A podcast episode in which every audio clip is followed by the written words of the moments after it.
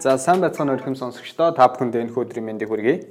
За Сэхэтэн подкастын 55-нд таны мэдхийн болонгийн 7 дахь удаагийн дугаар та бүхэнд хүргэж бэлэн болоод байна.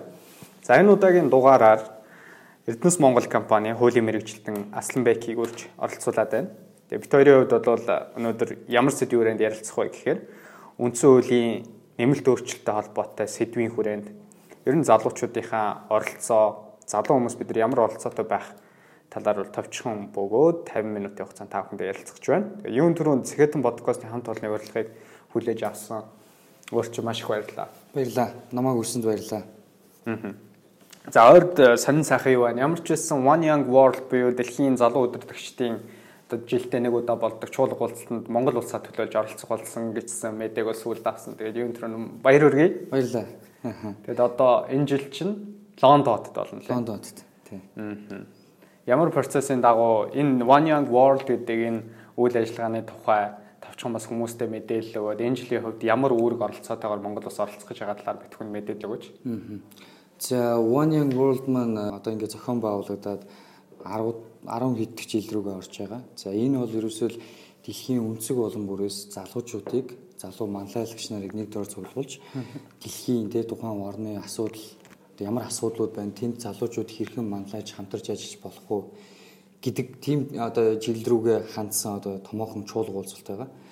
За 19 оны чуулга уулзалтын за бүртгэл нь бол миний санахын 5 сард болсон баха. 5 сард болоо 5 сард онлайнаар аплай хийдیں۔ Тэгээ онлайнаар аплай хийсэн. За хэд хэдэн зүйл асуудаг. Мэдээж лидершип асуун те манлайлах чиглэлийн юмнуудыг асуун одоо networking харилцаа холбоо тий одоо юу гэдэг иймэрхүү чиглэлийн асуултуудыг асуунгуудаа чи яагаад энэ одоо уулз чуулга уулзалт оролцох гэж байгаа юм бэ? Одоо Монгол улсад жишээл яг төлөвлөж байгаа орны чинь асуудал юу вэ? Чиний оролцоо ямар байсан бэ? Чиний хэрхэн шийдвэрлэх вэ? гэдэг ийм гурван асуудлын өрөөнд хэсэгээ бичээд тэгээд submit буюу одоо тэрийг өгдیں۔ Тэгээд тэд нар яг нөгөө өөрсдийнх нь комиссионтэй тэрийг одоо шийддэг комити байдаг. Тэд нар ярилцаад одоо 3 сар 3 сарын хугацаанд ярилцаж шийдвэр гаргахтын шаардлагатай бол нэмэлт мэдээлэл авдаг, тодруулдаг. Тэг яг энэ жилд нэг нэг бодлын наацтай байсан ч юм уу, юу гэсэн тэнцсэн л юм байна. Тэг маш их баяртай байна. Тэг юу гэсэн 10 сарын 20 гээд явна. 7 хоног болтын чоол уулзалт. Тэгээ томоохон маш томоохон хүмүүс одоо оролцдог юу гэдэг Нильсон Мандела гуйгийн одоо ихнэр нь оролцдог. Ричард Брэнсон байна. Одоо Virgin Group-ийн үүсгэн байгуулагч. Аа тэ иймэрхүү одоо томоохон салбар салбартаа манлайлагч одоо аль хэдийн амжилттай гаргацсан хүмүүс оролцож залуучууд чиглэж одоо лекц уншдаг янз бүрийн одоо воркшоп болдог оролцдог иймэрхүү уулзтай байгаа. За миний санах юм Монголоос бол бараг 10 гаруй хүн сонгогдсон байх. Өмнөх жилүүдийн хугацаанд тий. Тий. Энэ жилд бол 2 монгол хүн орж байгаа. Энэ жил бол 2 монгол хүн орж байгаа. За ямар ч байсан тэгээд Монгол улсаа төлөөлж оролцож ийн гэдэг бол өөрийнхөө салбарт залуу хүнийхээ хувьд бол мэдээж тодорхой хэмжээний амжилттай үнэлэгдэж байгааг нэг хэлбэр байх гэж бодож байна. Тэр ч утгаараа өнөөдөр Скетэн подкаст дээр нэлээд сүүлийн тренд болоод байгаа сэдвүүдийг барьж авч ярилцах гэж байна. Гэхдээ ярилцах ярилцахтаа мэдээж мэрэгжлийн хүнийг хөөлч хүнийг ураад залуу хүнийхээ төлөөл болж энэ залуучууд бид нэр үүнд ямар оролцоотой оролцох хэрэгтэй юм бэ? Яагаад бид нар чухал юм бэ гэдэг сэдвүүрэнд ярих гэж байна.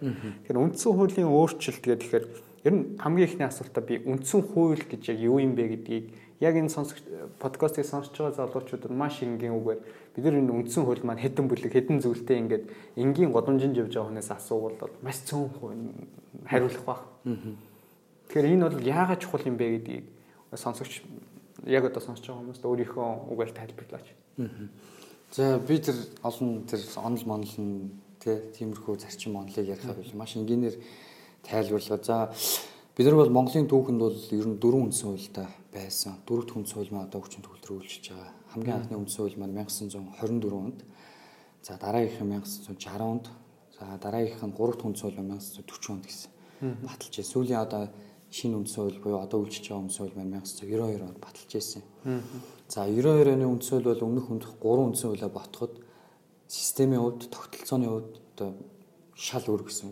Юу гэхээр өмнөх 3 үндсэн хуулийг одоо социалист системтэй буюу одоо хүний эрхийг одоо дээдлсэн тийм системтэй үндсэн хууль биш гэж ярьдаг. А шинэ үндсэн хуулиараа би арчсан тогтолцоог зөвшөөрсөн энэ тохиролцоог бий болгоё Монгол улсад арчилсан нийгмийг бий болгоё гэсэн энэ үндсэн хууль байна. За үндсэн хуулийг энгийнээр тайлбарлахад төр, иргэн, хоёр яг ямар харилцаанд одоо энэ улсыг авч явах юм бэ? Энэ хоёр төр иргэн гэдэг хоёр хүний харилцаа ямар байх ёстой юм, ямар төвшөнд байх ёстой вэ гэдгийг зохицуулсан сүр бичиг гэсэн үг. Тэгэхээр бид нар бүх харилцаанд орохдоо үндсэн хуулийн үндсэн хууль бол одоо ирэмбийн хувьд одоо одоо юу гэмээр юм номер эцэг хууль эцэг тий нэгт байх хэвээр. Үндсэн хууль юу гэж заасан байна? Тэр л явах хэвээр гэсэн үг. Тэгэхээр төр иргэн хоёрын хооронд харилцааг зохицуулсан суурь бичиг бол одоо одоо юу гэдэг төрийн албан тушаалтан бусад бүх эрх бүхий албанууд бүх харилцаанд үйлчдэг ийм л хууль гэсэн үг. Тулгуур одоо бичиг баримттай шүү дээ Монгол улсын хувьд бол. Тэгээд үндсэн хууль дээр цаашлаад дагалдах хуулиуд нь бол гараа явна. Гэхдээ тэр нь бол үзэл баримтлалын хувьд бол үндсэн хуулиа бол ямагт дагсан байх хэвээр нийцсэн байх хэвээр гэсэн. Тийм. Аа. За энэ удаагийн үндсэн хуулийн нэмэлт өөрчлөлт бол 92 оноос хойш одоо батлагдсан үндсэн хуулийн хоёр дахь удаагийн нэмэлт өөрчлөлт гэж хэлж болно. Тэгээ 2000 онд бол нэг удаа өөрчилж байсан байлээ. Тэгээ үүнээс хойш бол хоёр дахь удаагийн нэмэлт өөрчлөлт. За энэ удаагийн нэмэлт өөрчлөлт бол улсын улсын их хурлын одоо өнгөрсөн 3 сарын гаруй хугацаанд маш олон судлаач нар, багш нар, эрдэмтэд бол суух шиг боллоо шүү дээ. Тэгсэн. Тэгээ хоёр удаа хоёр дахь удаагийн хэлэлцүүлгээр бол одоо ингээд яг батлагдах шат руугаа явж явах үедээ бол маш олон асуудлуудтай тулгарч байгаа шиг байна. Энэ удаагийн үндсэн хуулийн нэмэлт өөрчлөлтийн онцлогууд нь юу? Ач холбогдол нь юу? Яагаад үүнийг бид нар батлах ёстой гэж үзэж байна? Залуу хүнийхээ хувьд бол өөрийн чинь хувьд бол батлахын зүйтэй гэж үзэж байна. Тийм. За энэ удаагийн үндсэн хуульд хамгийн их одоо энэ үндсэн хуулийн төслийг өргөн барихад их хурлын 62 гишүүн гарын үсэг зурж өргөн барьсан юм улсын хуралд. За өргөн барьсан огноог нь бол би яг дотроо санахгүй байна. Өргөн бариад 3 сар хилцсэн байдгийг 3 гаруй сар. Тэгэхээр хамгийн анхны төсөл явахдаа 24 зүйл 50 гаруй заалтыг өөрчлөгээд үнцүүлэг одоо энэ төслийн өргөн барьсан. Тэгээд хоёр хилцүүлгээр яваад хоёр дахь хилцүүлэг буюу эцсийн байдлаар дэмжиж батлыг батлыг одоо их хурлын хувьд батлыг гэсэн шийдвэр гарсан. Хоёр дахь хилцүүлэг. Тэгээд 24 гаруй заалт буюу 50 зүйлээс хоёр дахь хилцүүлгээс батлагдсан буюу дэмжигдсэн нийтээ 19 зүйл 34 заалт дэмжигдсэн. Тэгэхээр нэг 5 гаруй заалт 16 гаруй зүйл одоо 5 гаруй зүйл буюу 16 гаруй заалт нь хасагдсан гэсэн үг.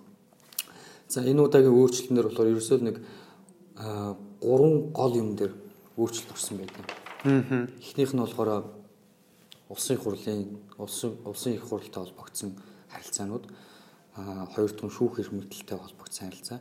Одоо улсын хурл буюу хууль тогтоох эрх мэдэлтэй холбоотой харилцаа, шүүх эрх мэдэлтэй холбоотой харилцаа. А гурав дахь нь бол гүйцэтгэх эрх мэдэл буюу засгийн газартай холбоотой. Ийм гурван гол эрх мэдэлд энэ эрх мэдлийн харилцаануудыг зохицуулсан өөрчлөлтүүд орохоор дэмжигдлээ. Яг бас бус нэг юмнууд байгаа нутгийн удирдлага намтай холбоотой зохицуултууд За эхнээс нь энэ ярих юм бол одоо маш олон нарийн юмнууд маш олон юмнууд яригдана. Би яг хуу сонсож байгаа сонсогчдод маш энгийн байдлаар тайлбарлах гэдэг хичээ. За дэмжигдсэн заалтууд гэвэл засгийн газрын одоо доктортой хариуцлагатай байдлыг бол маш сайн хамгаалж өгч маш сайн гэхэд бас хэцүү. Ер нь бол цог хэмжээнд бол томоохон өөрчлөлтүүд орсон. Нэгдүгээр юу гэхээр бид нар яг уу өнөөдөр ингээд ядуурл ажилгүйдэл гэд нийгэм эдийн засгийн маш олон асуудлыг шийдэгдэх байгаа тийм. Тэгэхээр энэ асуудлыг явж явж юутай холбоотой гэхээр гүйцэтгэх эрх мэдэл буюу засгийн газрын тогтворгүй байдалтай холбоотой гэж үздэг. Юу гэхээр нэг засаг гарч ирээд нэг асуудлыг барьж яваад за энийг шийдэгээд хөтөлбөрийг хэрэгжүүлээгээд яг ингээд хийгээд явж байхад одоо судалгаагаар бол 1.8 жил тэгж засгийн газрын насжилт Яг хий гэж явж явангуудаа их хурлаас хэдэн гişүүд гар хэсвэрээд энийг огцруулж тэгээд тасаг огцруулчихдаг. Дахиад шинэ хүн сонгогддог.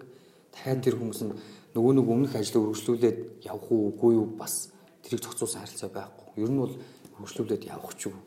Дахиад шинэ ажил эхэлдэг. Дахиад шинэ гэдэг оюутлогын авчих юм бол оюутлого байх ёстой юу гэд хөндөгч явангуудаа тий байх ёстой бай гэдээ яриад дэмжигдээд явж явангуу дахиад шинэ хүмүүс гарч ирэнгүүтээ энэ байх ёсгүй юм байж юм уу тий. Иймэрхүү одоо тогтургүй байдлууд их байсан засгийн газар байнга огцорчдөг дахиад шинээр байгуулдаг. Тэр одоо энийг бол одоо одоо маш сайн байдлаар дэмжиг одоо сүүлийн хоёр дахь хэлэлцүүлгээр дэмжиж өгсөн. Тэр өөрчлөлт нь юу вэ гэхээр одоо ерөнхий сайтыг бол бид нар үндсэн хуулийн нэмэлт өөрчлөлтөр өмнөх одоо одоогийн байгаа хуулиар бол бид нар олонх буюу одоо 21-с дээш гэл цөөхөн гişүүд Ерөнхий сайдыг шууд огцруулах боломжтой байсан бол шинэ хуулиар бол бид 39 доошгүй болгож оруулах гэсэн шинэ үндсэн хуулиар 39. Тэрс доошгүй гишүүн байж иж одоо энэ ерөнхий сайдыг огцруулах хэсгийг шийдэн гэсэн үг. Давхар а ерөнхий сайдыг огцруулах асуудлыг тавих юм бол энэ хугацаа гэдэг нэг юм байгаад тэ огцруулан гэж яадаг нөгөө ерөнхий сайд нь огцрохгүй тул одоо ажлын төр байж яадаг ч юм ажлаа ажилдаа анхаарахаас илүү би огцрмааргүй байна гэдэг асуултад анхаарал явчихдаг тэ нөгөөдөл нь огцруулна гэдэг нэг хугацааны асуудал яваад байгаа шүү дээ хизээ огцруулах яах вэ гэдэг яригдал яваад тэгэхээр энийг хугацааг нь бас зоогоод өгсөн. 3-аас 10 хоногийн дотор энэ асуудлыг шийднэ гэдэг ерөнхий сайдыг огцруулчих юм бол дараагийн шийдвэр ерөнхий сайдыг томилохгүй бас бид нар яадаг вэ өмнөх нөгөө туршлагаа гаргах юм бол байж л байдаг. Сар хүртэл 2 сар хүртэл гүйцэтгэх эрх мэдэл гэдэг юм байхгүй тий энэ улс орны асуудлыг ч одоо засгийн газар одоо өдөр тутмын ажиллагаа хийгээд явж байгаа шүү дээ. Тэгэхээр энэ хүмүүс байх болчдөг нөгөө томилгоо нь яваад идэг. Тэгэхээр энэ шинэ үндсэн хуулийн уучлаарай үндсэн хуулийн нэмэлт өөрчлөлтийн төслөөр бол юу гэж явж байгаа вэ гэхээр шинэ одоо ерөнхий сайдыг огцорсон бол шинэ ерөнхий сайдыг 30 оны дотор сонгоно гэсэн байна. А 30 оны дотор ерөнхий сайдыг сонгож чадахгүй бол нөгөө их хурл таарна гэсэн. Тий, таарна гэсэн байна. Иймэрхүү байдлаар одоо маш томоохон зохицуулт орж өгсөн. Ерөнхийдөө бол одоо ерөнхий сайдын энэ засгийн газрын докторгүй байдлыг л багасгахын тулд энэ асуудлыг цэцлэхийн тулд бол хэд хэдэн залтууд л орсон харагдсан л да тий. Одоо чинь ерөнхий сайдад ихтгэл хүлээлгийч гэдэг юм уу тий. Ямарваа нэгэн төсөл хийх гэж байгаа бол түүнийг улсын их хурлд өргөн мэдүүлээд хэрвээ ерөнхий сайдад ихтгэл хүлээлгэж байгаа бол нэгсэндээ тухайн ажлыг доктортой урт удаан хугацаанд явуулах талаас нь ч юм уу. Тэгээд энэ дээр би одоо дэвтэр дээр нэг онцлсан 2 3 асуудлыг бичсэн байна л да. Илүү гүйцэтгэх засаглалын доктортой байдлыг нэмэгдүүлэхэд ач холбогдолтой нэмэлт өөрчлөлтүүд хоёр дахь хэлэлцүүлгээд батлагдаад одоо гараад ирсэн харагдажсэн. Тэр нь давхар дээлийн асуудал байсан тийм. Энэхий сайд дээр нэмэх нь дөрөв. Засгийн газрын улсын хурлын гишүүн бол давхар дээлтэй байж болно. Бусад гишүүд бол давхар дээлгүй гэсэн зарчим. Хоёрдугаар засгийн газрын боловсруулаад улсын их хурлд өргөн мэдүүлж байгаа төсөв байгаа даа шүү. Энэ төсвийг бол урд нь бол улсын хурлын гишүүд орж ирээд бүснүүлээд хайчих. Бүснүүлцдэг нэмэлт зардал гаргадаг өөрийн тойрог руугаа татдаг ч юм уу. Тиймэрхүү байдал үзсэн бол тэр бай зүйлүүд нь байхгүй болсон, ажиглагдсан. Ингээд энэхий сайд бол харьцангуй бие даасан шин чанартай болсон юм шиг санагдсан. Өөрийн сайднараа бол мэдээж улсын хурлаа их хурл руу оруулаад батлуулах хэрэгтэй шүү дээ. Энэ өмнө ерөнхийлөгчтэй ярилцж агаад сайд нарын нэрийг нэр дэвшүүлдэг гэсэн бол энэ удаагаас эхлээд улсын их хурл руу шууд өөрөө бие дааж шийдвэр гаргаад ерөнхийлөгчөөр дамжихгүйгээр шууд орохоор гих мэтлэн бол иймэрхүү заалтууд орсон байсан. Эдгээр зүйлүүдээр нэмээд яг энэ батлагдах гэж байгаа заалтын хувьд биш нэмэлт өөрчлөлт орсон нэмэлт өөрчлөлтүүдэд ерөнхий сайд буюу гүйцэтгэх засаглалтай холбоотой нэмэлт сайн гэж үзэж байгаа зүйлүүд юу байна өөрөө чи? Аха. Яг өмнөх одоогийн байгаа үндсүүл болоод өмнө бид нар ярьдаг мөртөлтөө одоо хүртэл байхгүй байгаа зохицуулт юу байсан бэ гэхээр итгэл хүлээлгэх зарчим гэдэг. Энэ бол маш чухал өөрчлөлт орсон л миний хувьд харж байгаагаар яадгүй бид нар одоо одоо их хурл ерөн тэ их хурл ерөнхий сайд гэ гүйцэтгэх эрх мэдэл гол тогтоох эрх мэдэл хоёр хоорондоо нэг нөгөө ажлын уялдаагаа уялдуулах гол зарчим чинь итгэл хүлээлгэх зарчим байхгүй юу? Нэгсээр бид нар сайн нөгөө Эрдэнэтийн 49 гэж ярьж байна. Өөр оюутлогоогийн юу гэдэг 34 гэж ярьж байна те. Энэ мэт чин томоохон төслүүдийг хэн хийдэг вэ гэхээр мэдээж их хурлын дэмжлэгээр ерөнхий сайд хийдэг. Засгийн газар хийдэг. Гэтэл өнөөдөр хүртэл одоо оюутлогоонч байна, Эрдэнэт төлөвлөмж байна ингээд хоёр их мэдэлтэй их хурл ерөнхий сайд гэдэг хоёр их мэдэл засгийн газар яагаад энэ дэр маргаад байгаа тэр ерөнхий сайд нь ингэсэн энэ ингэсэн засаг их хурл дээр оруулж ирээгүй ч юм уу ингээгүй тэгээгүй гэд яриад байгаа яагаад ингэж яриад байгаа гэхээр анхнаасаа бид нарт энэ ихтгэл хөдөлгөх гэдэг юм байгаагүй байсан болохоор өнөөдөр ийм асуудлууд үүсэж байгаа гэж шууд хараад байна л да ихтгэл хөдөлгөх нь бол энгийнээр хийхэд яах вэ гэхээр засгийн газар нь за окей би энд засгийн газрын жилд одоо би өөрөө засгийн газарт байхдаа энэ хугацаанд би энэ төслийг ингэж хийн, энэ төслийг ингэж хийн юу байдیں۔ те Эрдэнэ төлөвлөр ч юм уу эсвэл томоохон хасгаж ч юм уу салхитын ордыг энэ одоо гадны компанид өглөө, ийм юм хуваар өглөө гэдэг төслөө боловсруулж ирээд улсын хурлд оруулдаг болсон. Оруулаад улсын хурл окей дэмжиж байна, болно гэд итгэл хүлээлгвэл ерөнхий сайдад. Ерөнхий сайд цаашдаа энэ ажлыг хийгээд явна гэсэн үг. Дараа нь их хурлаас ч юм уу, их хурлаас засгийн газар руу буруугач ихтэй засгийн газраас зогсоох юм явахгүй нь шүү дээ. Тийм юм явахгүй гэсэн үг. А хэрвээ их хурл би дэмжихгүй байна бид нар дэмжихгүй байна гэх юм бол ерөнхийдөө дахиад огцорно. огцроод дахиад 30 метрээс сонгодгоор явна. Маш энгийн. Яг гэвэл одоо засгийн газрын хийх гэж байгаа ажлыг их хурл бол бид нар бол хувьдаа дэмжихгүй байна. Наад чинь бидний бодлого зарчим болгохын те нийцэхгүй гэх юм бол маш энгийн. Хамтарч ажиллаж чадахгүй юм байна. Уйлдаа байхгүй юм байна. Шинэ ерөнхийдөө тамилгээд огцорч байгаа гэсэн үг. Тэгэхээр энгийнээр хэлгээд ерөөсөө л энэ их хурл засгийн газар гэдэг хоёр байгууллагын хооронд хуйлааг нь итгэл хүлээлгэх зарчим гэдгээр маш сайн хангаж өгсөн. Шинэ үндсөө одоо төслөөр орчсон байгаа, дэмжигдсэн байгаа. Энэ бол маш томоохон зал гэж би бол хувьдаа харж байгаа. Тийм. Дараагийн чухал за гүйцэтгэгч хоёул ингээл угаасаа бүх нөгөө шинжилсэн 19-ийн дэлгэрэнгүй яриулаарыг бүтэн өдрийн яриа болох тийм болохоор товчхон нөгөө хүмүүст өргөн цар өгөөтэй мэдээллүүдийг өгөөд явах үүднээс за гүйцэтгэгч засаглал дээр бол миний зүгээр бас харж байгаа үүднээс бол маш олон сайжруулалтууд бол орсон харагдсан. Хоёр дахь зүйл нь сэдв рүүгээ ороход улсын хурал. За улсын хуралтай холбоотой энэ нэмэлт өөрчлөлтээр нь томоохон сайжруулалт сайжруулж оруулсан зүйлүүд нь юу вэ? Ер нь зүгээр товчхондоо миний харж байгаагаа улсын хурлд сонгогдсон олонх шийдвэрээ гаргана. Цөөнх нь хянаад явна гэдэг тэр системийг л илүү боловсронгуй болгож өгсөн юм шиг надад санагдсан. Өөрийн чинь хувьд энэ дээр онцлох онцлох сайжруулалтууд юу байна? Улсын хурлтай холбоотой. За яг гоо тий саяны өөрөө чи яриад байгаа юу бол зохицуулт бол маш чухал зохицуулт болсон бас хурал дээр хувьдаа би бол тэгж харж байгаа. Хянан шалгах түр гороо гэдгийг оруулж өгсөн. За хянан шалгах түр гороо гэдэг бол юу гэхээр одоогийн хуулиар бол бидний ярьж заншснаар бол одоо нэг ажлын хэсэг гэдэг. Оюутлогыг шалгах ажлын хэсэг гэдэг байгаа шүү дээ. Тэгээ ажлын хэсэг гэдэг. Тэнгүүд ажлын хэсэг гэдэг нэг нөхдүүд нэг тийшээ очдог. Тэгэл нэг хоорондоо байдаг ажлын хэсгийн гишүүд нь тэндээс нэг мэдээлэл авдаг, эндээс нэг мэдээлэл авдаг. Нэгдсэн нэг мэдээлэл байхгүй. Тэрийг ингээд хилцүүлэх гэсэн одоо зохицуулсан харилцаа байхгүй те ийм юм явааддаг. Тэгэхээр энийг бол яг олон улсын практик зарчим нь ямар байд юм бэ гэдэг тэр байдлаас нь маш сайн оруулж өгсөн гэсэн үг. Хянан шалгах түр хороо гэдэг. За хянан шалгах түр хороо гэдэг бол ерөөсөө а мэдээлэл авдаг, хүнэлт хийдэг. Тодорхой баримт мэдээллийг их хурл цуглуулж өгнө гэсэн үг. А дээрэс нь одоогийн байгаа ажлын хэсэг яадаг вэ гэхээр энэ тэнд очиод мэдээлэл авъя гэхээр нөгөө эрх зүйн байдал нь тодорхой биш ажлын хэсэг гэдэг байгаа шүү дээ. Өөрөөсөө ажлын хэсгийг нэрлэлсэн. Эрх зүйн байдал нь тодорхой биш болохоор энэ хүмүүс надаас мэдээлэл авах хэрэгтэй билүү гэдэг асуудал үүсэж байгаа байхгүй. А хинэн шалгах хороо гэдэг энэ байгууллага орж ирсэн энэ байгууллагын нарийн харилцаануудыг одоо тусдаа органик хуулиар зохицуулаад байна. Үндсүүл нь суусан зарчим нь юу гэхээр хянан шалгах түр хороотой бай. Энийг бол 19-с доошгүй гишүүний саналаар байгуулъя. Тодорхой нэг асуудлаар иргэдийн дунд одоо иргэдэд мэдээлэл өгөх нээлттэй байх зарчмыг хангах үүднээс тодорхой нэг асуудлаар тодорхой баримт мэдээллийг авах хэрэгтэйгээр байгуулъя гэж Тэгэхээр хянан шалгах төр хороонд ямар нэгэн асуудал байгуулагдлаа энэ тэндээс очиод мэдээлэл авах хэрэг нээлттэй мэдээлэл авна, нээлттэй байдлаар явна гэсэн үг. Мэдээллийг хангаад тодорхой баримтыг хангаж өгнө. Тэгээд их хурл энэ асуудлаар нарийн асуудлуудыг хилцээ цаашдаа шийдвэрлээд явна гэсэн үг. Эсвэл ийм томоохон өөрчлөлт орсон.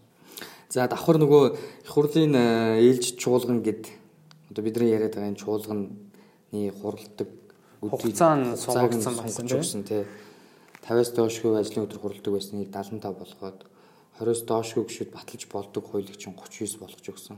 Энэ бол маш томоохон одоо өөрчлөлтийн одоо төсөл гэж харж болно. Яг гэвэл саяхан бид нар одоо чи санаж байгаа бол нөгөө захиргааны ерөнхий хуулийн асуудлаар бөө юм болсон шүү дээ. Захиргааны засгийн газар захиргааны иргэн шүүхийн хариалт орох уугүй юу гэд маргаа явсан. Тэнгүүдийг гişүүд нь ирэхгүй тэнд байсан нэг 21 гişүн үү 20 гişүн миний санах юм захиргааны байгууллагыг засгийн газрын хариалаас захиргааны иргэн шүүхийн хариалаас авцсан. Засгийн газрыг. Тэгэхээр 20 гишүүн маш томоохон юм асуудал төр ганц энэ биш. Бас өөр хуйлуудж байж байгаа. 20 гишүүн нийлээл хууль баталчихж байгаа байхгүй. Тэгэхээр одоо бидний үнэхээр нөгөө арчсан төлөөлийн зарчим хэрэгжиж чинь үгүй юу? Үнэхээр би тэнд хүсээгүй байхдаа 20 гишүүн орж ирэл миний хүсээгүй хуулийг баталчихж байгаа. Одоо энийг бол шинэ төслөөр бол одоо явж байгаа төслөөр 39 гэдээ оруулж өгсөн. 39-өөс доош бол хизээч хууль баталж болохгүй. Босхын нэгэсэнд өндөрсгсөн байна шүү дээ. Тэгэхээр илүү чанартай хууль гарах боломжийг бүрдүүлж гисэн гэж бол харж байна тийм. Бас нөгөө одоо бидний ярьдаг энэ улс төрийнхэн ч яриаддаг нөө сонгуул гэдэг байгаа. Тэгээ сонгуул өгөхөөр нэг 6 сарын өмнө ч юм уу 2 сарын өмнө сонгуулийн хуулийг өөрчилж баталж ирсэн юм ч байгаа олонх нь өөртөө ашигтай байдлаар сонгуулийн хууль гэдэг чинь ерөөсөө эдний нөгөө өөрийгөө гаргах боломж авахгүй. Тэгээ 2 сарын өмнө баталж ирсэн түүх байдیں۔ Тэгээ энийг өөрчлөөд үндсэн хуулийн дээр зохицуулаад өгсөн нэг жилийн өмнө сонгуул болохоос нэг жилийн өмнө сонгуулийн хуулийг өөрчлөхгүй шүү гэд өөрчлөөд өгсөн. Энэ хугацааг нь ийм байдлаар зохицуулж өгөхгүй бол нөгөө одоо юу гэдэг юм сонгуульд өхөнгүүтэй тэ 2 сард өгсөн байхад хуулиа өөрчлөлт баталчихж байгаа жишээд өөртөө өөрсөнд ашигтай байдлаар тогтолцооноос нь агуулаа тий. Тэгээ ийм томоохон зохицуулт орсон. Энд дээр аудит холбоотой бас зохицуулд орсон байсан тийм. Ер нь аудит гэдэг энэ байгууллага чинь бол улсын төсвийг хэрхэн үр ашигтайгаар захиран зарцуулж гэн зөв зүйл зарцуулж гэнэ үү буруу зүйл зарцуулж зарцуулж гэнэ гэж төрийн санхүүг хяндаг тийм байгууллага шүү дээ. Өгөх ухтаа бол гэвч энэ аудитын өдөрлгүүдийг ч гэдэм үү эргүүлээд энэ эрх мэдлэлтэнд нь өөрсдөө томилдог. Тэгэхээр өөрсдийг нь шалгах гэж байгаа хүмүүсийг өөрсдөө томилж гэнэ гэдэг чинь ухтаа бодвол яг үнэн бодит шийдвэр ч юм үнэн бодит нөгөө шалгалт ороход бол асуудалтай байсан зүйлүүдийг бас сайжруулж чадсан юм шиг санагдсан. Аудиттай холбоотой асуудлыг тийм. Яг уу аудиттай холбоотой асуудлыг бол бид нар яг уу одоогийн байдлаар одоо явж байгаа хуулиар бол аудитыг хэн томилох уу яах вэ гэдэг асуудал нь бол органик хуулиар явж байгаа. Тэгэхээр органик хуулиар бол хэн ч хизээч ямар нэгэн байдлаар олонхон нийлээд өөрчлөх боломжтой. Тэгээ энэний үндсийг бол хууль руу оруулж өгсөн харуулж өгөлтөө одоо хяналт тэнцлийн зарчим гэдэг байгаа шүү дээ. Одоо юу гэдэг нэг эрх мэдлийн томилгод нөгөө эрх мэдэл нь огцруулдаг ч юм уу. Бас нэг эрх мэдлийн хяндаг ч юм уу. Яг энэ хяналт тэнцлийн зарчмыг баримтлаад энэ харилцааг зохицуулж өгсөн. Тэрнээс биш нэг эрх мэдэлд одоо аудитын өгчгөр чинь аудит гэдэг чинь өөрөө хараат бус шударгаар ажиллах хэрэгтэй юм байгуулга шүү дээ. Ийм энийг бол маш сайн байдлаар иймэрхүү төслөөр орцсон зохицуулт дэмжигдсэн явж байгаа. Мөн улсын хурлын гишүүдийг нэг эргүүлэн татах асуудал. Энийг бол олон жил одоо ярьж байна. Үнэхээр хариуцлагагүй ажиллаж байгаа нөхрийг бол эргүүлэн татах боломж болцоо энэ хуулиар зохицуулсан байдгийг мөнгө мө гэж ард нийтэд ч өөрөө маш их хүсдэг. Энэ асуудлыг бол энэ дээр хэрхэн тусгаж өгсөн юм байна. Яг уу а одоо явж байгаа хуулиар бол ямар юм явдаг гэхээр тийм үү гимт хэрэг үйлдэж байгаа үйлдэл дээр баригдсан бол тий үйлдэл дээр баригдсан бол эгүүлэн татан гэсэн байгаа. Тэгэхээр чин одоо чи бодоод үзэлт их хурлын гишүүн тий халд шүү дарах хэрэгтэй хүн шүү дээ. Одоо баталгаатай. Хин нэг нь одоо цагдаа очиод уур мэдэн цогсоогоод ийм асуудал бол тэр болгон яригддаг. Өнгөд нөгөө нөхдөөч нь өөрт ашигтай байдлаар иймэрхүү байдлаар баталсан юм яваад байгаа байхгүй. Энийг бол тэр чигээр нь өөрчилсөн. Үйлдэл дээр нь очиод барьж аваад одоо өвлөн татангууд бол хийж боломжгүй зүйл шүү дээ. Тэр энийг бол өөрчилсөн өвлөн татах асуудлыг оруулсан. А өвлөн татахта одоо тэр процессын хугацааг нь хүртэл сайжруулад өгсөн гэсэн үг. Маш хурдан хугацаатайгаар хэрвээ мөхөр гэмтэрэг үйлдсэн байж болцшгүй гэдэг одоо хэрвээ эрх бүхий байгуулгын шийдвэр байх юм бол өвлөн татдаг. Тэрсэн үндсэн хуулийг зөрчсөн үйлдэл хийгдэх нь хуулийн байгууллагаар тогтоогдсон тохиолдолд бол эргүүлэн татах болцоотой гэдэг үндсэн хуулинд тусгаж өгч байгаа юм байна тий. Тий. За дараагийн ярих зүйл нь намтай холбоотой бас хэд хэдэн сайжруулалт орсон байсан. Намын санхүүжилттэй холбоотой. Одоо томоохон намууд ч нөгөө мөнгөтэй хүмүүсээс санхүүжилт авснаасаа болоод эрх мэдэлд гарчингуудаа эргээд нөгөө мөнгөтэй хүмүүстэй үйлчилж эхэлдэг тийм шиг бол тогтчиход байгаа шүү дээ. Тэгэхээр намын санхүүжилттэй холбоотой хэд хэдэн сайжруулалт бас орсон харагдсан. Магадгүй намын санхүүжилтийг энэ хууль батлагдах юм бол шинжилсэн найруулга маань батлагдах юм бол улсаас нийт хэдэн хувь нь одоо сонгогчдын нийт хэдэн хувийг санал авсантай хамаарат бас улсаа санхүүжилт олгоно гэсэн заалт авч байсан тий. За намтай холбоотой зохицуулт төр бол миний харснаар бол томоохон гурван зохицуулт төсөл төр орсон байсан. Эхнийх нь бол намын дотоод арчил гэдэг юм байна. Дотоод арчлыг их энгийнээр хэлэх юм бол юу гэдэг залуу эмэгтэй цөөнх юм уу? Эсвэл юу гэдэг залуу хүмүүс ер нь бол дэмж тэр болгон дэмжиж чадахгүй намын дарга тэр болгон сольж чадахгүй намын шийдвэр гаргах төвшөнд гişүүд нь тэр болгон оролцож чадахгүй эсвэл нам доторх ардсан зарчмыг яриад байгаа. Эний эний үндсийг нь үндсэн хуулиар оруулаад өгсөн гэсэн үг. Тэр үндсэн хуулийн нэгэн тийм ингэж заах юм бол нөхдүүд одоо намууд бүгд өөрсдийнхээ дотоод арчлынхаа асуудлыг зохицуулаад нээлттэй элдв байдлаар шийдвэрлэх болно гэсэн үг. Одоо хүссэн нэг намын дарга болоод үсээгүй нэг нэ шууд нэр дэвшүүлэх ингээ хасдаг систем бол дотоод арчил руугаа зарчмаараа явна гэсэн үг. Хоёр дахь нь болохоор санхүүтэй холбоотой асуулт. Намын санхүүжилт гэдэг бол одоо манад байгаа хамгийн миний харж байгаа том асуудал. Юу гэхээр бид нар одоо нэг эдэн намнууд намаа намын хүмүүстэй мөнгө төгрөгтэй намж гэсэн айгуу гой байртай хүмүүс нь ч мөнгөтэй нэр дэвшээд баахан сурчлагын мөнгө гэж зарцуулаад яваад байдаг тий. Яг органик хуулиар бол энийг зохицуулсан байдаг л та. Хэдий тийм ч гэсэн одоо хандмын асуудлыг зохицуулаад өгсөн ч гэсэн энэ бол ил тод байдлаар тэр болгон зарлагддгүй тэр болгон байдгүй байхгүй. А олон улсын зарчим зарчим цаашин практикийг харах юм бол ерөөсөө хизээч одоо энэ хүмүүс хандив авдаг байхгүй. Хандив авсан ч гэсэн хандвын нөгөө хязгаар байдаг. Нэгдүгээр хоёрдугаард намын тэр хүмүүс сурчлагаа одоо энэ хийгээд байгаа сурчлагын мөнгийг тэр хүмүүс яадаг гэхээр төрөөс авдаг. Яад гэвэл тэгшэрхийн зарчмыг хангаж байгаа хгүй. Одоо юу гэдэг нэг мөнгөтэй тий магадгүй одоо боловсралгүй ч юм уу эсвэл мөнгөгүй мөртлөө айгүй сэтгэлтэй боловсралтай хүн байлаа гэж бодъё л та. Тэгээ энэ хоёр хүн наа одоо их хурл дээр сонгуул дээр сурчлага хийлээ гэнгүүт мэдээж мөнгөтэй нь бол яаж хийгээл одоо бидний хилдгээр бол 20 мянган тараагаал бол гараал ирнэ шүү дээ. Энд нь зохицуулсан байхгүй. Одоо мөнгөгүй нь яа тийм тэгэл тэндээ хүрээлэл дээр нэг хэд юм бол хэлдэг те. Тэгэхээр төр төрөөс дотроо хэмжээгээр энэ хүмүүст тийш хэрхийн зарчмаар яг жигд мөнгө хойрж өгөөд энүүгээрээ сонгуулаа хийдэг. Тэгээ одоо юу гэдэг жил болгон сонгуул гингүүд намаас бол асар их мөнгө төгрөг бид нар бол мэдхгүй шүү дээ. Асар их мөнгө төгрөг бол миний сонсож байгаагаар зарцуулагддаг. Зөвхөн сонгуулийн төлөө. Тэгээ энэ их мөнгийг зарцуулсан одоо мэдээж мэдээж том юм хүсээд ийм их мөнгө зарцуулаад байгаа шүү дээ. Одоо юу гэдэг Тэгэхээр энийг бол зохицуулаад өгсөн гэсэн үг. Одоо яг жиг тийш байдлаар одоо э, сонгуулийн сурчлагаанд зарцуулж шүү гэдэг. Намын санхүүжилт хаанаас хин юу өгч ин гэдэг нь тод байна. Энэ одоо зарчмыг хангаж өгсөн. А гурав дахь нь болохоор одоо бид нар чинь баахан намтай байгаа шүү дээ. Тэгтээ яг их олон намтай байх нь муу биш л те. Сайн ч биш баг. Тэгэд гол нь яасан бэ гэхээр энэ нам байгуулах одоо хүмүүсийн санал те хідэн үний саналаар нам байгуултын тэрийг зохицуулж өгсөн. Сонгогчдын 1%-аас одоо 1% та тэнцвүүд 1% буюу түүнээс дээш хүн одоо окей гэдэг те саналаа өгсөн энэ намыг байгуулъя гэдэг намтай хэлсэх юм бол намыг байгуулж болно гэсэн энэ зарчмыг оруулж өгсөн. Яг нь энэ бол бас жоохон маргаанта заалталтай. Яагаад гэвэл нөгөө бид нэр эвлэлтэн нэгдэх эрхтэй гэдэг байгаа шүү дээ. Энтэй жоохон харшлан гэж судлаачд бол янз бүрээр хэлж илээ. Гэхдээ э, одоо миний хувьд харж байгаагаар болохоор ер нь иймэрхүү байдлаар зохицуулт нь орж өгөхгүй бол яг хоо эвлэлтэн нэгдэх гэдэг их бол өөр агуулгын агуулгын хувьд бол бас өөр зүйл. Тэгэхээр энэ зохицуул бол миний хувьд бас зөв зохицуул гэж харж. Бид нар одоо одоогийн байдлаар юу гэдэг нийтэн нөхөр нийлчээд тий одоо мянган хүн бол хамрах шүү дээ. Мянган хүн нийлжээл нэг нам байгуулж байгаа.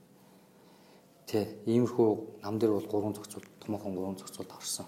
Аа За одоо ганцхан зүйлүүд лээ. Маш олон өөрчлөлтүүд орсон. Тэрэн дээрээс онцолж хуйлаа яриад байгаа шүү дээ, тий. Хамгийн чухал гэсэн залтуудын нэгсэн доо энэ богино хугацаанд подкастаар өөрхийн тулд шүүх засаглалтай холбоотой өөрчлөлтүүд. Одоо хамгийн чухал заалт дээ. Ардан бол шударгасыг хүсэж байгаа. Тэр ч утгаараа эрх мэдлийн төвлөрөлт гэдэг зүйлийг багасгахыг бол одоо мэрэгжлийн хүмүүс өөрчлөх хүсэж байна. Тэгээд энэ хүү өөрчлөлтөд яг шүүх засаглалтай холбоотой сайжруулсан зүйл юу оров? Яг ба 62 гишүүнээс өргөн барьсан төсөл төр болохоор шүүх засалтай холбоотой маш томоохон одоо зохицуултууд орсон байсан юм. Уул нь бол хоёрдугаар хилцүүлэлтээр ороод баг ихэнхэн унтсан дөө. Гэтэ яг бид нар бол хэд хэдэн заалтыг бол дэмжүүлээд 57 гишүүнээс 57 буюу түүнээс дээш гишүүн дэмжээд энэ заалтууд бол орсон. Тэрний юу гэхээр эхнийх нь болохоор шүүхийн ерөнхий зөвлөл гэдэг байгууллагыг үндсэн хуулийн дээр суурийг оруулж өгсөн яг 1990 онд нэгдсэн үндэсний байгууллагаас тухайд одоо хийж исэн судалгаагаар зөвлөмж өгч гисэн байл. Тэр зөвлөмж юу гэсэн бэхээр шүүхийн ерөнхий зөвлөл гэдэг энэ байгууллага та нар үндсэн хуулинд оруулж өгөхгүй бол одоо бол энэ хууль чинь органикаар явж байгаа шүү дээ. Органик хуулиар энэ байгууллагын чинь бүтэц зохион байгуулалт хүмүүсийг нь хурл дээр нь хууль баталдаг олонхын хизээж энэ органик хуулийг өөрчилж болно те. Өөрчилж хөр байна. Энийг үндсэн хуулинд оруулж гэсэн. Тэр дагуу үндсэн хуулинд оруулж өгсөн. Оруулж өгөхдөө ерөнхийлөгчөөс гаргасан санал юу байсан бэхээр шүүхийн ерөнхий зөвлөлтөй байна ч юм те. Тэнгүүд энийг тусгайлсан тусгайлсан органик хуулиар зохицуулна дахиад нөгөө рүүгээ явж байгаа хгүй юу. Гэхдээ тэр нь дэмжигдээгүй. Саяны төслөөр бол юу дэмжигдсэн бэхээр шүүхийн ерөнхий зөвлөлтөй байна. Ерөнхий зөвлөл нь 10 гишүүнтэй байна. 5 нь шүүгч байна. 5 нь бол олон нийтээс сонгоно гэсэн. Яагад гэвэл бүгд шүүгч байж юм бол илүү шүүгчтэй илүү үйлчлэх магадлал байх эрсдэлтэй бас хараат бус байдал нь хангах туугүй юу те. Шүүхийн ерөнхий зүйл гэдэг чинь өөрөө энэ шүүхийн хараат бус би даасан байдлыг хангадаг томоохон байгууллага байхгүй. Тэгэхээр энэ байгууллагын үндсийг үндсийг нь одоо суурийг нь үндс хуулинд оруулж өгөөд хэрхэн яаж томилох асуудлыг бас оруулж өгсөн одоогийн төслөөр явж байгаа зохицуулаад энэ бол маш том өөрчлөлт. Тэр бид нэр шүүхийн ерөнхий зөвлөлийн өөрийг нь хараад байлгаж чадсанаар доорн байгаа байгууллага бол доорн байгаа шүүгчд бол бас хараат байна л гэсэн үг. За хоёр дахь нь болохоор шүүхийн сахилгын хороо гэдгийг бид нар үндсэн хуультай бас тусгайлан зохицуулж өгсөн. А одоогийн сахилгын хороо бол одоо бас бас л органик хуулиар явж байгаа. Сахилгын хороотой байдаг тэр органик хуулийн дээр нь бас ингэж зохицуул ингэсэн гэдэг гэж байгаа. Гэхдээ тэрийг бол бас хүснээр өөрчлөх боломжтой. Сахилгын хороог оруулж өгөөд сахилгын хороо нь бол ийм гişүнтэй байна. Яаж томилох үгүй юу гэдэг асуудлуудыг бас наривчлан зохицуулаад өгсөн байгаа.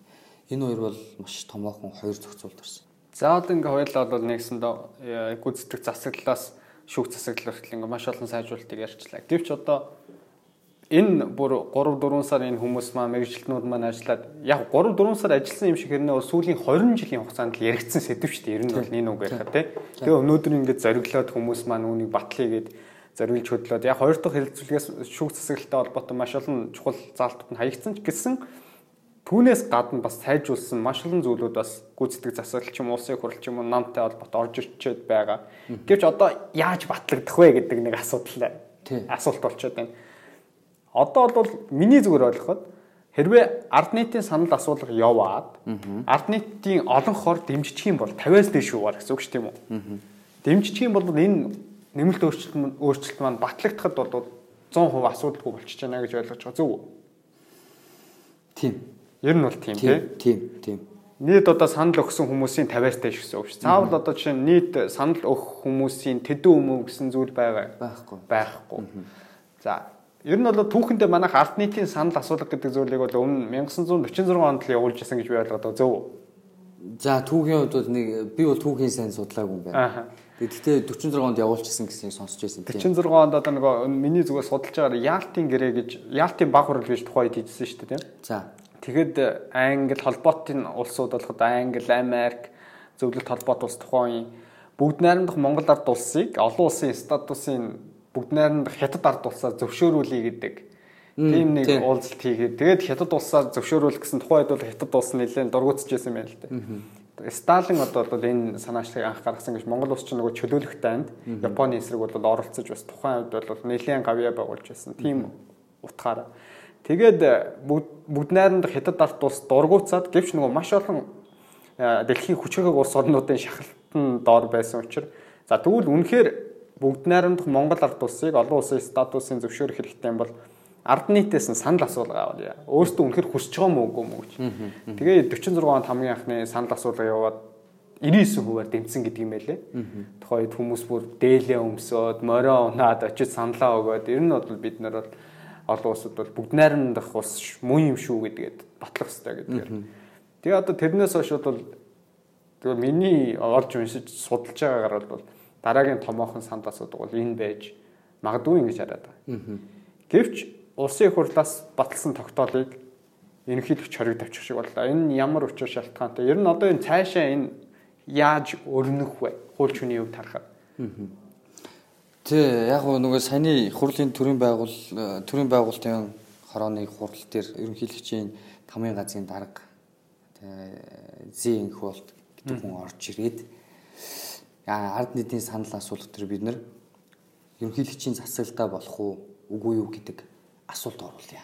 Засаглалынхаа хэлбэрийг нэгсэндээ давхар асуу гэж шүү дээ. Ард нийтийн санал асуулт. Нэгсэндээ хоёр санал явуулах гэдэг юм тийм үү? Тий. Гэхдээ хоёр асуултын хүрээнд үндсэн хуулийн нэмэлт өөрчлөлтийг батлах юу гэсэн санд явж байгаа шүү дээ. Тэгж аа. Тэнгүүд тэрэн дээр дахиад нэг асуулт нэмийг орж иж байгаа. Ерөнхийлөгчийн засаглалтаа байх уугүй юу гэдгийг асууя. Яагаад энийг оруулж өгөхгүй байгаа юм бэ гэд орж ирсэн. Тийм мэдээлэл хийцэн.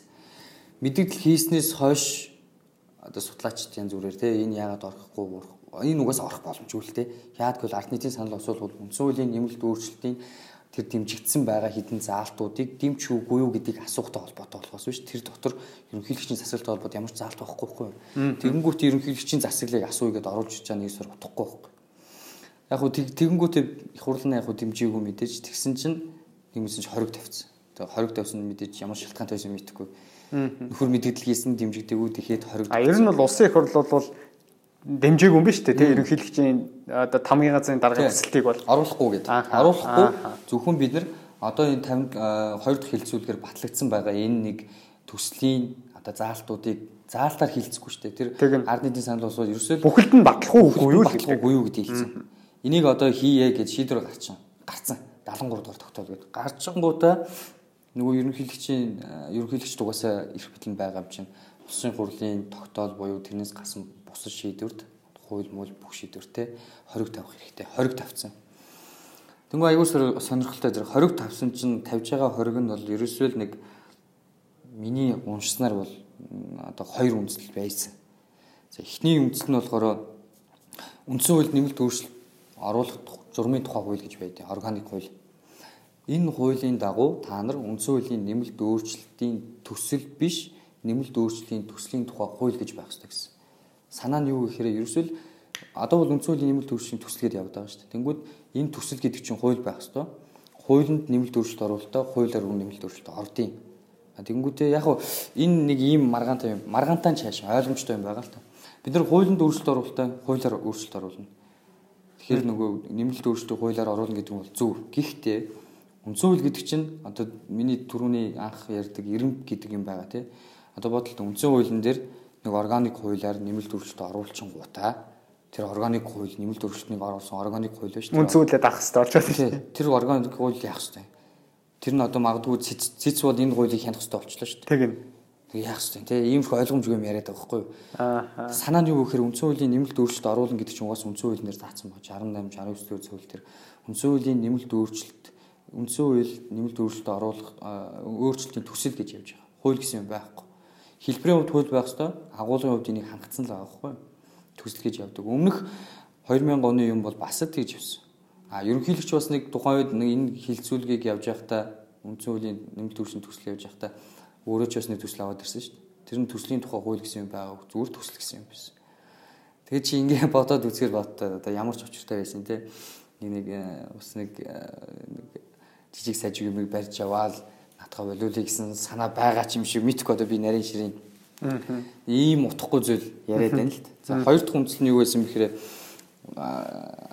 ард нийтийн санал асуултанд мэдээж нэг тогтоол гарч байгаа тийм их хурлын их хурлын тогтоол чинь мэдээж нэг заалт үндэслэл гарч байгаа тийм тэнгууд үндэслэж байгаа заалтан дээр чи үндсэн хуулийн нэмэлт өөрчлөлтийн төслийн журмын тухай хуулийн заалтыг давхар үндсэн хуулийн дээр заасан 25 дугаар зүйлийн 1-ийн 6 дахь 16 дахь хэсэг гэдэг хоёр зүйлийг ишлээг юм байна.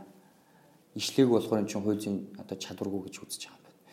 Бас энэ нэттэй Юу гэхээр яг хуу тэр тогтоолыг харах юм бол үндсэн хуулийн 68 69 дэх зүйлийг ишилсэн байдаг.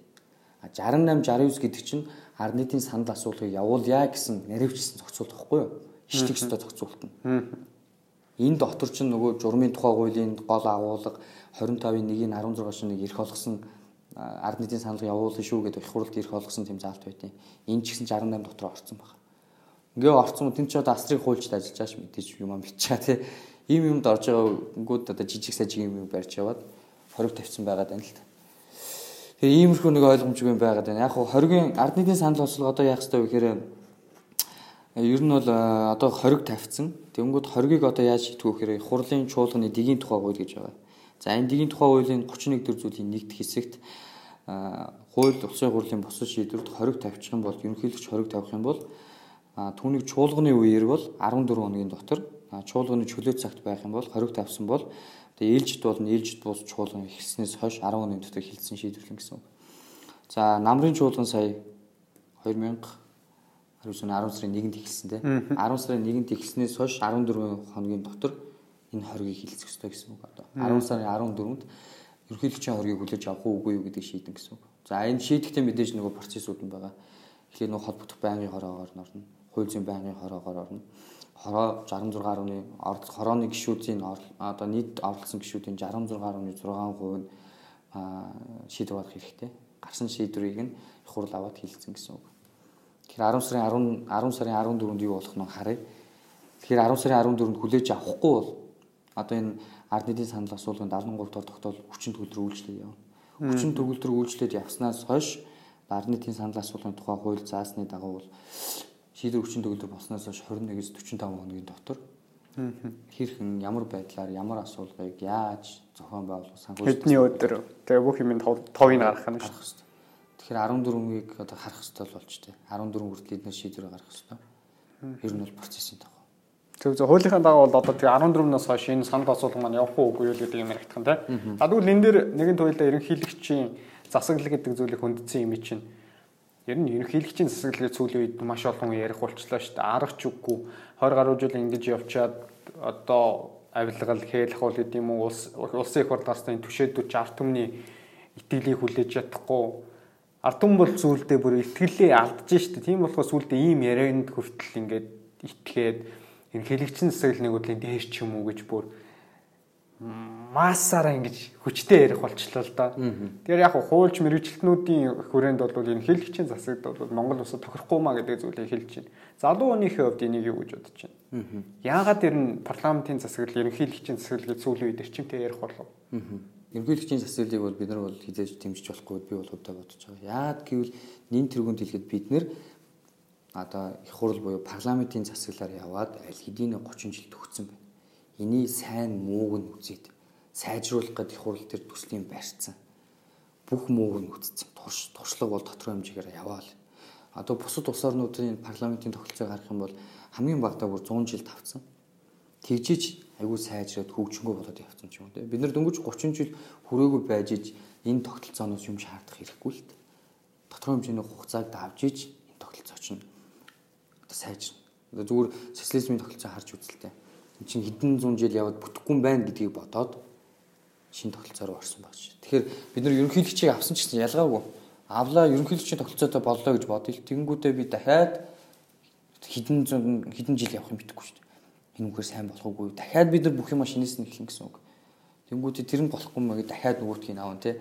Айгу нэг нэг сони юм байгаад байна л да. Нэгдүгээр хоёрдугаар а одоо Венесуэлийн жишээг харъя л та. Яг яг иймэрхүү өнгөн парламентын засаглалтай байж ангуудаа нэг нөхөр одоо ерөнхийлөгч чинь те бас хүмүүсийн одоо янз бүрийн юм амлаа одоо өөрчлөлийн мөрчлөлийн юу гэдэг зээлийг аваад ирнэ ингэн тэгэн гэдэг одоо манайхын одоо ерөнхийлөгчийн хэлж байгаагаар офшороос мөнгө авч ирээд бүгдийн чинь цалингийн зээлийг тэглэн гэдэг ааш тэр шиг амлалтуудыг өгөөд ардтын санал асуулах дээр шууд тухайд нөгөө нэмэлт өөрчлөлийн төсөл яригдчихсэн юм байл л шууд ингээд өөрийнхөө нөгөө ерөнхийлөгчийн засалтай байх уу гэдгийг оруулаад ирсэн давхар. Оруулаад ирэнгүүтээ хүмүүс нь яа дээ мэдээж дэмж дэмжлээ. Ерөнхийлөгчийн засалтай болчлоо. Ингээд нэг нүгэр гарч ирээд одоо харалт Венесуэлч ямар яваалаа. Тэгэхээр бид нар бол яг үндэ хэлэхэд магадгүй энэний араас явж байхыг үгүйсэхгүй.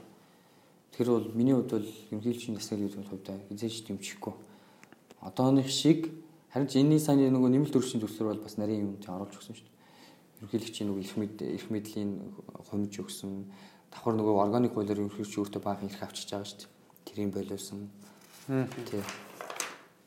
Парламентын засаглалтаа улсад бол ерөнхийлөгч бол бэлэгдлийн шинжтэй арт түмний одоо эвникийг хангах ийм үүрэг хүлээж байгаа. Босдор бол энэ хүн бол юу гэдэг янз бүрийн асуудалд бол нарийн асуудалд бол орох эрх байхгүй. Зөв зөв сүүлийн үед энэ зүгээр ерөнхийлөгчийн засаглал гэдгийг дэмжиж байгаа хүмүүсийн яриаг тийм хүмүүсийн яриаг сонсоход бол Америкийн нэгдсэн улстай л их жишж ярих юм л та.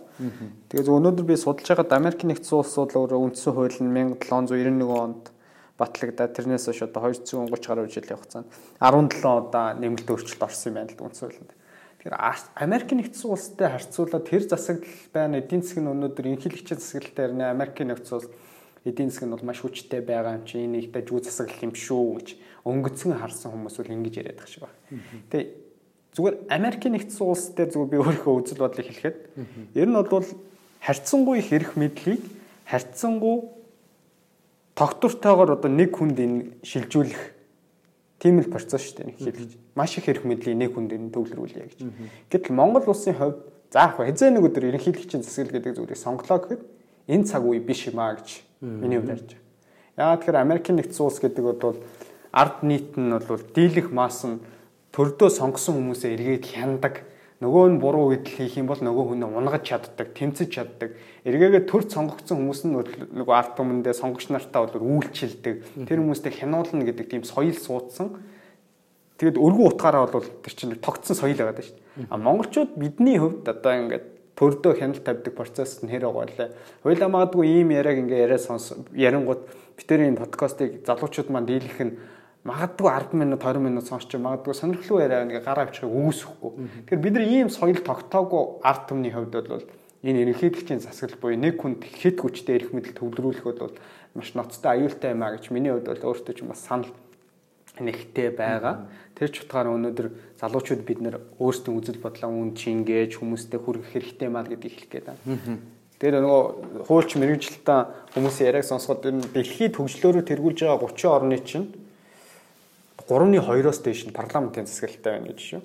Тэгээ үүгээр бас нэг ерөнхийлөгчийн засаглал муу юм аа, парламентын засаглал сайн маа гэж би бол хэлэх гээгүй. Гэхдээ бид нар ерөнхийлөгчийн засаглалыг сонгочих юм бол хизээч парламентын засаглал руу эргэж орох боломжгүй л болчих واخхой. Нэг нэг хэлэх тийм үү? Ерөнхийлөгч сонгоцсон хизээч эргэж буцалт байхгүй. Тэгэхээр парламентын засаглалууд өнөөдөр хөгжүүлээд бид нар цааш авч явах хэрэгтэй үнийг.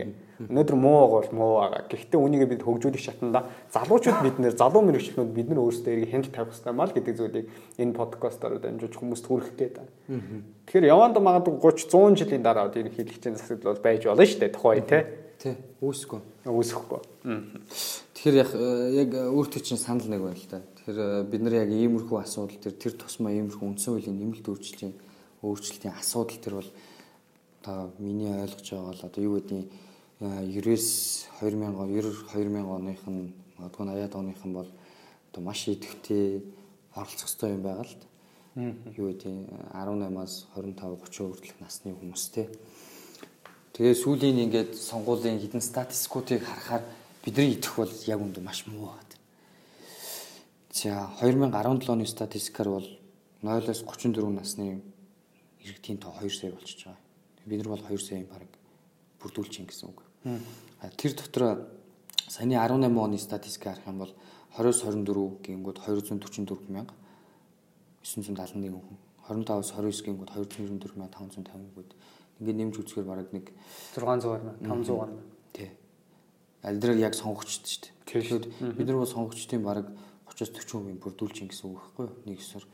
Тэгвэл энэ хүмүүсийн тэгээд сонгуулийг харъя. Саяны 16 оны сонгуулийг харъя. 16 оны сонгуулийг харангуйтаа 18-аас 25 насны сонгуулийн насны 410 мянгаас 208 мянга нь оролцсон юм байна. 25-аас 30 насны 291 мянгаас 100 мянга нь оролцсон юм байна. 60-аас дээш насны 163 мянган хүнээс 160 мянган хүн орсон юм байна. Тэгэхээр юу гэхээр бид нэр сонгуультай ерөөс идэвхтэй оролцохгүй, сонирхгүй, идэвхгүй байгаад байна. Тэгэхээр бидний өмнөөс энэ хүмүүс хин энэ хүмүүс одоо хиний төлөөлөл гарч ийн гэхээр 40 юм уу 50 юм уу 50-аас дээш 60-аас дээш насныхан л энэ хүмүүсийг сонгож ийн гэсэн үг. Тэр бид нэр иймэрхүү асуудал төр өөрсдөө идэвхтэй оролцохгүй юм бол маш хэцүү. Залуучуудын дуу хоолой болсон сүүлийн үеийн залуучуудад зориулсан бодлогод нэгээс гарахгүй гэсэн үг шүү. Хоёул ярианы ихэнд хэлсэн шүү. Ер нь улсын хурал гэж энэ гişүүдэд ч юу юм бэ гэхээр төлөөллийн зарчмаар л гарч ирсэн хүмүүс. Нэгсэндээ миний өмнөөс шийдвэр гаргаж байгаа болохоос энэ хүмүүсүүд эрэх мэдэлтэй хүмүүс ерөөсөө биш юм аа л гэдэг. Тий. Тэгээд давхар бас сонирхолтой нуцаг дэвсрээр навж үзэх юм бол нийслэлийнх нь одоо хөдөө орон нутгийн орон нутагт сонгуульд оролцож байгаа хүмүүсийг ботход 20-30%-аар бага байгаад байгаа. Тэгэхээр иймэрхүү аягүй сонирхолтой статистикуд байна. Зүгээр нэг зөв товчондоо хэлэх юм бол яг манай 92 мянган оных нь 80 оных нь жоо тий улс төрийн одоо идэх улс төрийн боловсрол нийгэмд их оролцоо гэдэг юм байна. Айгүй хэцүүхэн л байна ер нь. Бид нар яагаад сонирхгүй байгаа митик одоо нарийн янз бүрийн судалгаанд байдаг. Зүгээр миний санаа нөгөө чиний хэлдэгтэй яг адилхан байна л да. Бид нар энд оролцох хэвээр юу өөрчлөх гээд байгаа. Нарийн юм мэдэх шаардлагагүй, зарчим мэдэх шаардлагагүй, онол мэдэх шаардлагагүй. Зүгээр их энгийн байдлаар юуг өөрчлөх гээд энэ ямар байгаад яаж өөрчлөх гээд энэ ингэснээр ач холбогдол нь юу вэ гэдгийг ядаж мэдээд тэгээд одоо ард нийтийн санал асуултанд оролцоод дэмжиж явах хэрэгтэй байгаад байгаа байхгүй юу? Тэр үднээс бит хоёр өнөөдрийн подкастыг бас хэдэн хүмүүс ч гэсэн ингээд сонсоод энийг ойлгосоо гэсэн. Залуу хүмүүсийг өөрийн хүрээнд хийж байгаа зүйл шүү дээ. Нэг хүмүүс нь зөв зөгцтэй мэдээлэл хүргэчихсэн гэж та. Одоо энэ Хонконгийн залуучуудыг хараад байна шүү дээ. Сүүлийн 4 гаруусаар ингээд тэмцэж шүү дээ. Тэгээд өнөөдөр гэл өчигдөр гэл нөгөө шүхэрт ховсгал лөө жигсаал. Тэрнийхэн жилийн яв болж байгаа юм байна л та. Тэгээд залуучууд нь тэр Хонконгийн залуучууд яг зүгээр тэмцлийнх нь хүрээнд харах юм бол агуулгынх нь хүрээнд харах юм бол магадгүй хэтэрхий том байж болох юм тийм. А гэтэл тэмцэж байгаа хүнийг харах юм бол нөгөө тэмцэж байгаа нөхрийг харах юм бол бүхэл бүтэн хятадд болсон бүгд найранд хятадд болсон үе дэлхийн номер 1 2 тал загсдаг тийм гүрэнтэй тэмцэж штэ.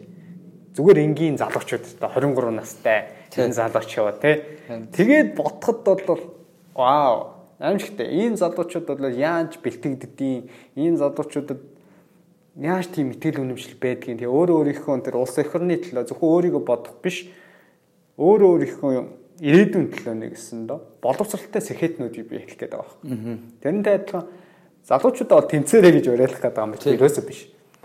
Жохон улс төрийн идэвхтэй бай те. Эргээгээд бидний өмнөөс энэ нөхдөө шийдвэр гаргаад байна. Түүндээ хяналт тавьдаг бай, хариу нэгдэг бай. Бидний татвар төлсөн мөнгөөр энэ хүмүүс ч одоо захиран зарцуулж байна. Тэрэн дээр нь хяналт тавьдаг бай. Тэгэхэд Иймэрхүү зүйлүүд яриад ахаар бас яа залуучуудынхаа оролцоог нэмэгдүүлэх үү гэхээр бас гайхалаа байна л та. Юун дээр очиод магадгүй бид нар гацчаад байгаа юм бол залуучууд маань юу хүлээгээд байна те. Яагаад оролцсон юм харьцангуй бага байна. Өө би энэ санал өгөө яах юм те. Ганц хүний санал надад ямар хамаатай нэг ач холбогдолтой зүйл биш ч юм уу. Тиймэрхүү зүйл бодогдох юм болов. Маш олон зүйл бодогдож байна.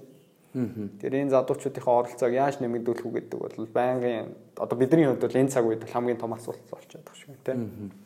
Яг хуу бас нэг гайгүй хууль батлагдсан саяхан юм дөө залуучуудын хөгжлийг дэмжих тухай хууль гэдэг. Энэ бол одоо маш сайн хууль болсон гэж хэлэхэд хэцүү. Ер нь бол гэхдээ гол юмнуудыг зохицуулаад өгсөн. Залуучуудын хөгжлийг яаж дэмжих вэ? нийгмийн асуудал төр нь яаж анхаарах вэ? Эдийн засгийн асуудал төр нь яаж анхаарах вэ? Улс төрийн оролцоог нь яаж бий болох вэ? Гэд нэг өөрчлөлийн ялгаад нэг 25 гаруй зохицуултуудыг оруулж өгсөн маш сайн хууль одоо зохицуултууд орсон ер нь нэг тийм хууль болсон юм. А гэтэл хууль батлагдсанаас хойш одоо миний санджаар 3 гаруй жил байна. Тэгээ ямар ч хуулийн үр дүн хэрэгжил гэдэг юм гарч ирэхгүй. А энэ юунаас болж байгаа юм мэдээч эргээд нөгөө нэг төр гэдэг юм явж байна л та баталсан хүмүүс нь эргээд хуулаа эргэж хараад тайлангаа тавихгүй хуулийнхаа дагуу биелүүлэх ёстой үүргээ биелүүлэх. Тэр хуулийн дагуу яах ёстой байсан бэхээр тодорхой нэг байгууллага байгуулагдаад тэр байгууллага нь өөрийн гэсэн төсөвтэй давхар төсвөөс мөнгө хуваарлдаг. Тэрийнхэн дагуу залуучууд руу чиглэсэн юм хийх ёстой байсан. Гэтэл өнөөдөр хүртэл энэ хийгээгүй. Хууль нь байдаг. А тэрийг сайжруулах шаардлагач байгаа. Хэрэгжүүлэх шаардлагач байгаа. Иргэх холбоо гэдэг юм байхгүй. Юусэн ийм юм хийгдэхгүй байна. Тэрнээс биш хууль нь батлагдсан энэ хуулийг бас одоо энэ подкаст сонсож байгаа хүмүүс хараарай залуучны хөгжлийг дэмжих хууль гэж байгаа тэрүүгээр бидний эрхийг зохицуулсан үр гэхээс илүү одоо төрд илүү үүргийг өгсөн юу хийх ёстой чиний төлөө яах ёстой гэдэг юмнуудыг оруулж өгсөн тэгэхээр яг энэ залуучны хөгжлийг дэмжих хуулийг бид нар бас шаардах ёстой байх гэж би хувьдаа хардیں۔ Нэмэлт өөрчлөлт оруулах юмнууд байгаа энийг шаардах хэрэгтэй баталсан гişүүдээс хурлын гişүүдээс төсвийн суулгачуд хий Тийм юм байна бас. Зөв зөв. Үндсэн хуулийн нэмэлт өөрчлөлт. Ер нь хууль залуучуудад болцоо яагаад чухал юм гэдэг сэдвээр байна. Богино хугацаанд чсэн тодорхой тодорхой сэдвүүдийг бол миний хувьд хөндөж ярьж чадлаа гэж бодож байна. Одоо харин ярианыхаа төгсгөл үндсэн хуулийн нэмэлт өөрчлөлттэй холбоотой энэ санал асуудал хэрэгжихгүй болчих ч юм уу тэгвэл ер нь ямар эрсдэл одоо ерөнхийлөгчийн хоргийг хүлээгээд авчвал ямар эрсдэл бидний хүлээж байгаа вэ? Хэрвээ бид нэр ерөнхийлөгчийн хоргийг хүлээгээд авах юм бол ерөнхийлөгч ямар үндслээр энэ хориг тавьсан бэ гэдгийг эргэж хараад үндслийнхэн дагуу дахиад нөгөө 73 дугаар тогтоол өөрчлөгдөн л гэсэн үг. 73 дугаар тогтоол дээр нэг хэдэн үндслэл ярьсан байгаа ш. Тэрийг үндслээг юм байна, тэрийг үндслээг юм байна. Тэг юу гэдэг нь хуулийн төслийг зүй оруулж өгөх ёстой ч юм уу иймэрхүү юм яриад байгаа ш. Тэр байдлаар нь дахиад дахиж ингэж засварлаад дахиж гаргах нь гэсэн үг л дээ хугацаа л нэлээ хойшлогдсон. Хугацаа хойшлогдно. Одоо 9 сарын дараа баг дахиад ээлж сонгуул болох гэж байна. Болох гэж байна. Давхар нэг хуралд харан гэлсэн чинь нэг юм яриад байна. Хажуугаар нард эдийн санал асуулгаж яваад. Ер нь бол энэ үндсөлийн нэмэлт өөрчлөлтийг хийхгүй байх янз бүрийн юмнууд ирээд байна л та. Зүгээр ингээд хөндлөнгийн хөндлөнгөөс харахад юу гэдیں ерөнхийлөгч нь хориг тавьчдаг. Давхар их хурлыг тараа гэж яддаг. Тэр их хурл тааръя гэдэг асуудал хэр үнэн бодит байр суурь тэр маш хүчтэй байгаа юм. Өөрөг чи тарж байгаагаар за хэрвээ их хурл тарна гэдэг зүйл хэрвээ явагдах юм бол ер нь бол энэ үндсэн хуулийн нэмэлт өөрчлөлт бол батлагдахгүй л гэсэн хандлага руугаа явах магадaltaй баг тий. Тий, тийм. Яад гэвэл саяны байгаа 62 гишүүн чинь дахиад сонгогдож гарч ирэхгүй. Тэгэхээр эхнээсээ бүх юм ярих хэрэгтэй асуудал гарч ирнэ. Гарч исэн гишүүдний нэмэлт өөрчлөлтүүдийг дэмжих үгүй юу гэдэг асуудал яригдана. Ер нь бол их хурл тарах шаардлага бол байгаа юу үгүй юу гэдгийг бид нэр харах хэрэгтэй л. Тэгээ саяны нэг их хурл таран гэдэг нэг нам дотор нэг яваад байгаа шиг л. Тэр хүмүүсийн үндэслэлийг харахад их хурл ажиллаа хийж чадахгүй л байна гэж. Тэгээ тэг яг үндэ энэ их хурл ажиллаа хийж чадж гин үгээр байхгүй. Нэмэлт өөрчлөлтийн төсөл явж гин. Өнөөдөр хүртэл хідэн төслийг батллаа, хуулийг батллаа. Ямар асуудлуудыг шийдлээ. Энэ ажиллагаа хийж лээ гэсэн үг байхгүй. Ажил хийж хийхгүй байх гэдэг чинь ерөөсөө юу ч батлахгүй, юу ч шийдэхгүй байх ойлгоо шүү дээ. Тэнгүүд ийм ажлуудыг хийж яхад дахиад нэг нөгөө нэг миний түрүүний яриад энэ нэмэлт үйлчлэлийг хийхгүй байх бүх юм хийгээд авахгүй хин нэг юм мэдхгүй. Тэгэхээр хуралд харах шаардлага байхгүй. Одоо угаасаа 9 сарын дараа ээлж сонгуул болно. Таран гэд бас процесс байгаа тэрэнд мэдээж.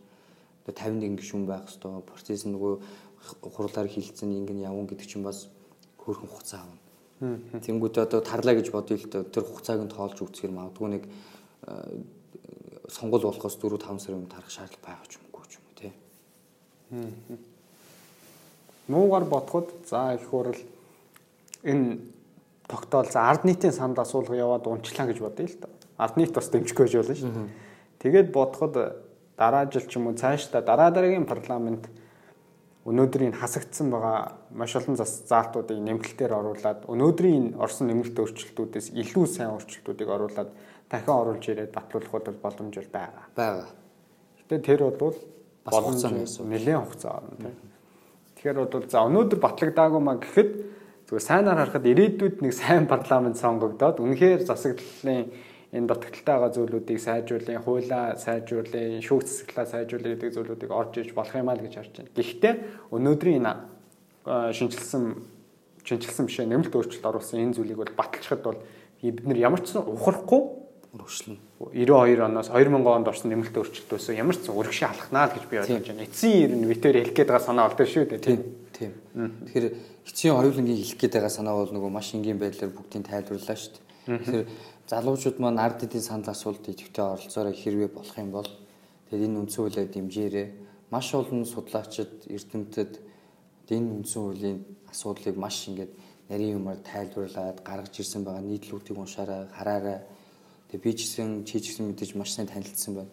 Үнэхээр ингээд харах юм бол үхэр дэмжих хөстэй асуудлууд маш олон байгаа даа. Тэр энийг л бид нар хийгээд энэ нэг өөрчлөлтийг, энэ нэг нийгмийг одоо өсрөнгүү биш юм а гэхэд нэг жоохон тий тодорхой хэмжээнд өөрчлөлтийг авчрах энэ зүйлийг дэмжих ёстой л гэж харж байгаа. Аа. 19 зүйл 35 заалтад нэмэлт өөрчлөлт орж байгаа гэсэн тий. Тэгэхээр чи энэ тийм баг өөрчлөлт бол биш шүү дээ. Үндсэн хууль маань өөрөө 6 бүлэг 70 зүйлтэй. Тэгээд бодохоор бол бүхэл бүтэн 19 зүйлд бол нэмхийн нэмээд хасхын хасаад сайжруулахын сайжруулаад ийм өөрчлөлт орж иж гэн гэдэг бол энэ бол ач холбогдлынхаа бол маш том хуулийн хуулийн төсөл гэж. Хуулийн төсөл биш үндсэн хуулийн нэмэлт өөрчлөлтийн төсөл гэж авах гэсэн тийм. Тэгж бодвол үзэж байгаа. Тийм болохоор залуучууд маань идэвхтэй оролцоорой. Тэгээд дэмжээрэй гэж хэлэхээсээ илүүтэй магадгүй. Өнөөдөр би энэ подкастыг хийх гээд маш олон судлаач эрдэмтэн хуульч хүмүүсийн яриаг бол уншлаа шүү дээ. Сайхан нэг нүггүй дэлгэрэнгүй уншлаа. Тэрэндээ адилхан залуучуудаа уншаасаа гэж хүсэж байна. Эхлээд ямар өөрчлөлт орох байгаа юм. Ер нь энэ үнэхээр сайжрах гэдэг юм хүмүүс яриад байгаа шиг муужрах гэдэг юм гэдэг өөрсдөө уншаад тэгээ өөрсдийн дүн шинжилгээгээ хийгээд эцсийн үр дүнд нь санал хураалтаа ард нийтийн санал асуулгадаа идэвхтэй оролцоод л гэдэг уриалах гэдэг юм тийм тийм санал нэг байна. За баярлалаа. Тэгээд өнөөдөр 55 таны мэдхийн подкастын 7 дахь удаагийн дугаард бидний урилгыг хүлээж авч цаг гаруй хугацаанд хуулийн мэрэгчлэн хуульч хүнийхээ хувьд өөрсдийн өөрийн үзэл бодлоо бас мэрэгжлийн хүний өнцгөөс бол ярина гэдэг үл арай өөртөө энгэн хараад өнгөцгөн хараад ийм байд юм аа гэд залуучуудад ярих нэг өөр залуу хүнийхээ төлөөлөлөж өнөөдөр бидэнтэй хамт ярилцсанд маш их баярлалаа. Баярлалаа. Намайг үрсэнд баярлалаа. Тэгээ яг гоо миний би одоо тийм мэрэгсэн судлаач энэ төр биш тэгсэн ч гэсэн та бүхэндээ бас тодорхой хэмжээний мэдээллийг маш энгийн байдлаар тайлбарлаж тодорхой мэдээлэл өгч чадсан байх гэж найдаж байна. Тэгээ 50-тай бас баярлалаа. Юу гэхээр одоо мэдээж иймэрхүү томоохон өөрчлөлтийн асуудал төр өөрийнхөө подкастаар дамжуулаад хүмүүсийг урайлаад хүмүүс тодорхойж гэсэн мэдээллийн хүрүүчин гэдэг бол одоо иргэн хүнийхээ хувьд энэ нийгэм дулсынхаа иргэнийхээ хувьд бас маш зөв зүйл үүргээ үүргээ биелүүлж ин гэсэн. Тэр ч утгаар яг өнөөдөр үүргээ биелүүлээд энэ подкастыг хийж байгаа гэж ойлгож байна.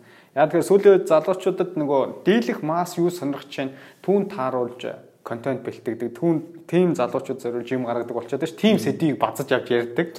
Гэхдээ эцсийн дүндээ бол миний сонир бидний одоо Сэхэтэн подкастын хамт олонны зорилго бол ерөөсөө тим биш. Залуустаа мэрэгжлийнх нь хүнийг үн цэнтэй үгийг л үнэн бодитоор хүргье л гэж байна. Тэгээд цөөн хүн сонсох нь бол бидэрт нэг ач холбогдол. Гол нь чанартай мэдээлэл хүргэж байгаа нь бидний хувьд бол энэ төслийг хэрэгжүүлж явж байгаа гол зорилго юм болов уу гэж бодож байгаа. За ингээд энэ хүртэл тууштай сонссон сонсогч сонсогч танд маш баярлалаа. Тэгээ дараа дараагийн дугаараар дахин уулзлаа. Түр баяртай. Баяртай.